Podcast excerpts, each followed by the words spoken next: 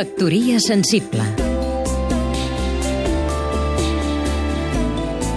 Eva Piqué, periodista i escriptora A una amiga li ha caigut a les mans una novel·la que parla d'una persona que ella coneix.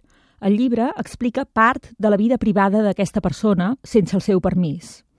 La meva amiga ha reconegut a l'acte el conegut de què parla el llibre, tot i que l'autor n'hagi canviat el nom. I s'ha escandalitzat, perquè suposa que la persona en qüestió no li farà cap gràcia que les seves intimitats s'hagin publicat alegrement. És legítim, es pregunta la meva amiga, que els autors amb poca imaginació facin servir persones reals com a base dels seus personatges? N'hi ha prou canviant el nom o la ciutat o la feina perquè es pugui explicar la vida d'algú amb impunitat? He aconsellat a la meva amiga que es mantingui lluny dels escriptors si té por de veure's retratada en un llibre. Perquè sí, ho sento, ho vampiritzem tot.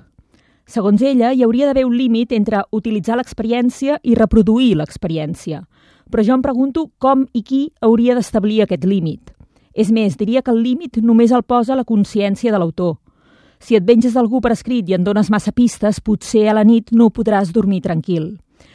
Però és complicat demostrar que un personatge es basa efectivament en tal persona de carn i ossos, si l'autor n'ha maquillat algun detall, ni que sigui petit. Jo mateixa, sense anar més lluny, em vaig venjar d'un professor meu en una novel·la. I aquest professor m'ha acceptat amb alegria entre els seus amics del Facebook.